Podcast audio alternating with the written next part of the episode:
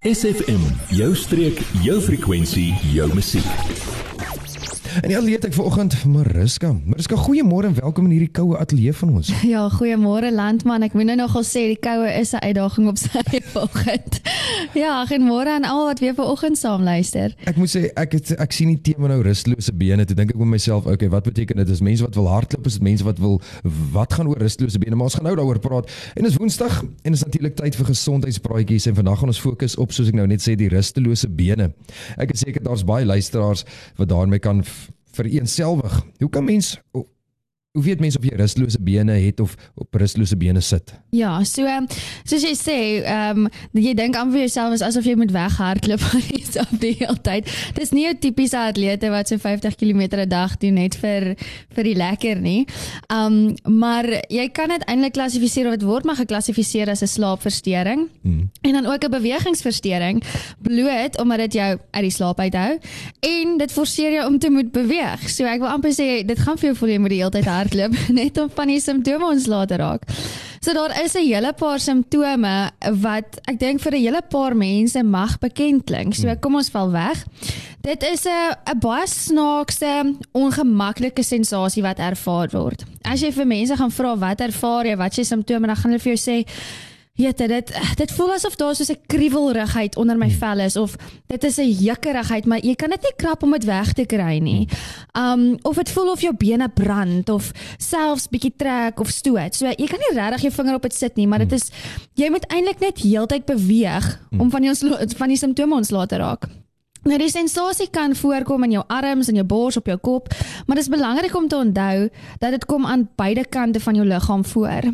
Um en dit is dit is geneig om te gebeur wanneer jy nou rustig raak, wanneer jy nou gaan lê of sit en veronderstel is om te ontspan, dan begin dit jou pla en dan moet jy begin beweeg. Hmm. So, jy het 'n verhoogde drang om die heeltyd te beweeg en te vroetel hmm. en rusteloos met jou bene rond te beweeg net om van die simptome ontslae te raak. Um en op die ou end van die dag ervaar jy dit ook baie in die aand val wanneer jy gaan slaap wat dan nou weer slapeloosheid veroorsaak soos ons gesê dit is 'n slaapversteuring. So dit hou jou wakker, dit maak jou wakker wat daartoe lei dat jy in die oggende moeg opstaan en um jy kan nie jou dag normaal ingaan nie want jy's heeldag moeg en dan het dit eintlik maar op die langer dure effek op jou lewenskwaliteit. En dan is dit ook maar baie meer algemeen onder ouer mense Dit is geneig om voor te kom by mense met sekere kroniese kondisies, swanger vrouens en dan ook by sekere tekorte in die liggaam. So sê vir my, wat is die oorsake van hierdie rustelose bene? So die oorsake van rustelose bene is wel nog baie onduidelik en dit is moeilik om jou vinger op dit te kan plaas, maar dit is wel 'n genetiese kondisie en daar is 'n hele paar goed wat daartoe bydra. Soos kroniese kondisies, Um dit sluit Parkinsons in, nierversaking en verwante kondisies, diabetes, perifere neuropatie, skade aan die spinale koord, 'n tekort aan yster, fibromialgie en reumatoïede artritis. Dan kan sekere medikasie ook die simptome vererger en dit is soos antiemetiese middels. Dit is nou tipies jou goed wat jy drink vir naait en braaking antipsigotiese medikasie, sekere antidepressante en dan ook sekere verkoue en allergie medikasie wat antihistamiene bevat. Swangerskap kan ook rustelose bene veroorsaak en dit is baie meer geneig in jou laaste trimester en dit gaan weg 'n maand nadat die baba gebore is.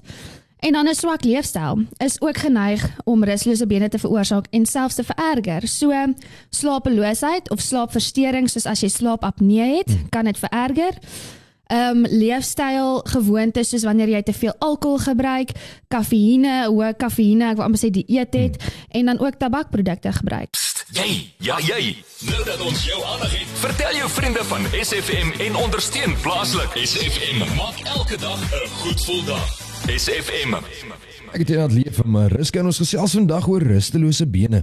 Mariska sê gou vir my, wat is die manier, beste manier om rustelose bene te bestuur? So landman is altyd belangrik om eers te begin by leefstylaanpassings. Uh dis iets waaraan ek vasglo. So as jy dit nie in jou leefstyl kan implementeer nie, dan wil ek sê dan gaan ons oor na medikasie toe.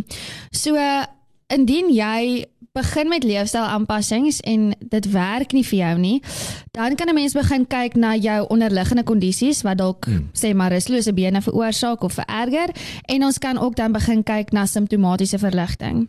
So as jy nou belangstel in eers leefstyl aanpassings, um kan jy kyk na iets soos oefening. Dit is so ongelooflik belangrik om te oefen, bloot omdat dit help met bloedsirkulasie.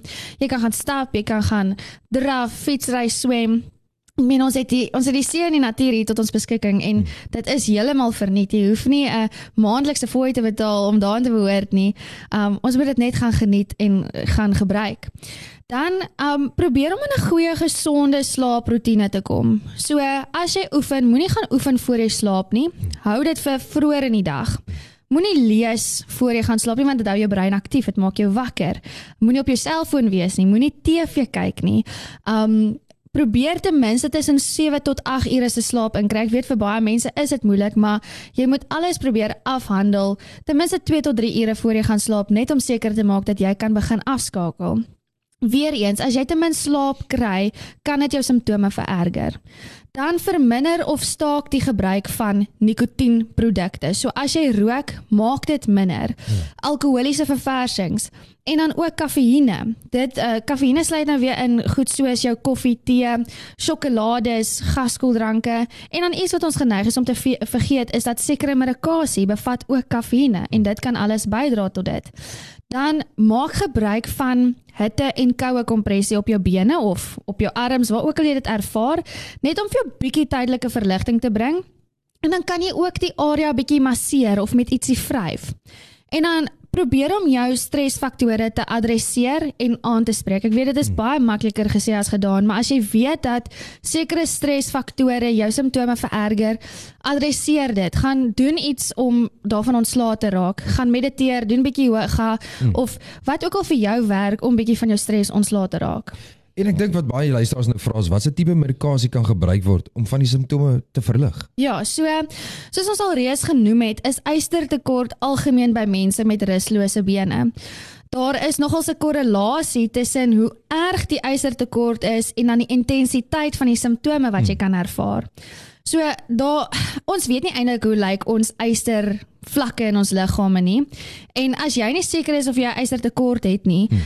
uh beveel ek eintlik aan dat jy eers net gaan toets vir dit voordat jy net enigsins yster begin gebruik want te veel yster is skadelik vir die liggaam. So eersins kan jy yster aanspreek, dan hmm 'n baie interessante studie gedoen oor die gebruik van Vitamiin E in pasiënte met rustlose bene. So hulle het vir die pasiënte tussen 300 en 600 internasionale eenhede Vitamiin E gegee en die wat dit gebruik het, um het 80% van hierdie pasiënte 'n volledige verbetering in hulle simptome gekry, terwyl 20% van die pasiënte so 50 tot 75% verbetering in hulle simptome gekry het wat regtig wys hierdie produk hmm, werk. Dit werk ja. En dit kon ook jy kon ook sien die oomblik wat hulle die Vitamiin E gelos het of selfs nie die onderhoudsdosering um gebruik het soos hulle moes nie, het hulle simptome weer teruggekom. Dan was daar ook nog 'n studie gedoen op swanger vrouens. Hulle het hulle in twee groepe geklassifiseer. Een groep vrouens het 'n multivitamiin met foliensuur gekry en die ander groep eh, vrouens het 'n multivitamiin sonder foliensuur gekry. Nou die met die foliensuur het soos 9% van die die groep pasiënte het rustlose bene ervaar. Die sonder foliensuur het 80% um rustlose bene ervaar. Man, ons is net vinnig terug na hierdie volgende musiekbreek. Gesels ons verder oor rustlose bene en die medikasie wat gebruik kan word om simptome te verlig. Word deel van ons Facebookblad vandag nog facebook.com vorentoe skuinstreepie sfm streek. Ek het vanmiddag kan jy atleer ons gesels oor rustelose bene. Sommige ons het voor die breek gesels oor medikasie wat kan gebruik word vir die behandeling van hierdie rustelose bene. Watter tekorte in die liggaam kan nog aangespreek word deur oor die toonbank medikasie? te koop om die simptome te verlig. Ja, so ehm um, 'n mens kan dan nou ook nou begin kyk na jou magnesiumtekort hmm. bloot omdat rustlose bene ook wa waarskynlik 'n magnesiumtekort is. Hmm. So omdat ehm um, magnesiumtekort verband hou met verhoogde spierpynne en krampe, lyk dit dan ook baie keer soos rustlose bene. So as jy sukkel met sê maar oog wat spring of jou bene, jou hande, voete kramp of trek 'n bietjie saam, kan dit 'n aanduiding wees van jy begin met 'n magnesiumtekort. So begin dit vroegtydig aan te vul bloot om jou simptome laat met latere tyd weer um te verlig. Hmm. Dan die laaste tekort wat met rustlose bene simptome aangevul moet word is thiamin of Vitamiin B1. again. Nou Vitamiin B1 is betrokke in die liggaam se Krebs siklus wat verantwoordelik is vir die ATP-produksie in die mitokondria. So dit is nou jou liggaam se natuurlike kragopwekker. So Vitamiin B1 speel 'n ongelooflike belangrike rol om die senuweestelsel te voed sodat hy kan gaan en sy werk optimaal kan gaan doen. Nou daar's sekere biochemiese senuwee, eh, daar is 'n sekere biochemiese senuweepad in die mitokondria waar die senuwee begin afsterf. So as die senuwee begin afsterf, dan noem jy dit nou senuwee atrofie. En dit is wanneer die liggaam nie voldoende Vitamiin B1 het nie. So die eerste tekens van senuwee atrofie is senuweepyn of irritasie perifere neuropatie of um wat nou aan jou senuwee eindpunt is soos in jou hande ja. en jou voete is. So as senuwee atrofie dan nou in jou brein gebeur, het 'n mens eers um 'n stormloop van deurmekaarheid of waar jy 'n scattered gedagtes of um ja, gedagtegange ja. het en jou jy kan oorweldig voel deur jou denke En dit kan nou weer verander waar jy opeindig by die mall na jy inkopies gedoen het en as jy uitstap kan jy nie onthou waar jy jou kar parkeer het nie. En ek dink dit klink ook vir baie mense baie bekend. So Vitamiin B1 speel dan ook um saam met kolien 'n belangrike rol om asetielkolien te maak. Nou asetielkolien is 'n breinoordragstof en hierdie breinoordragstof is so belangrik omdat hy kontrole van beweging hmm. veroorsaak en help. En as daar nie asetielkolien is nie, is daai breinoordragstof nie daar is nie, is daar dan nou 'n tekort aan hierdie en dit is dan nou wat kan lei tot rustlose bene. Jy praat ons jy praat ons oor al hierdie goeders. Kom ons kom som 'n bietjie op waarmee kan ons die simptome van rustlose bene verlig of kan mens dit totaal wegneem? Ja, so. Belangrik, ek dink dit is die take home message.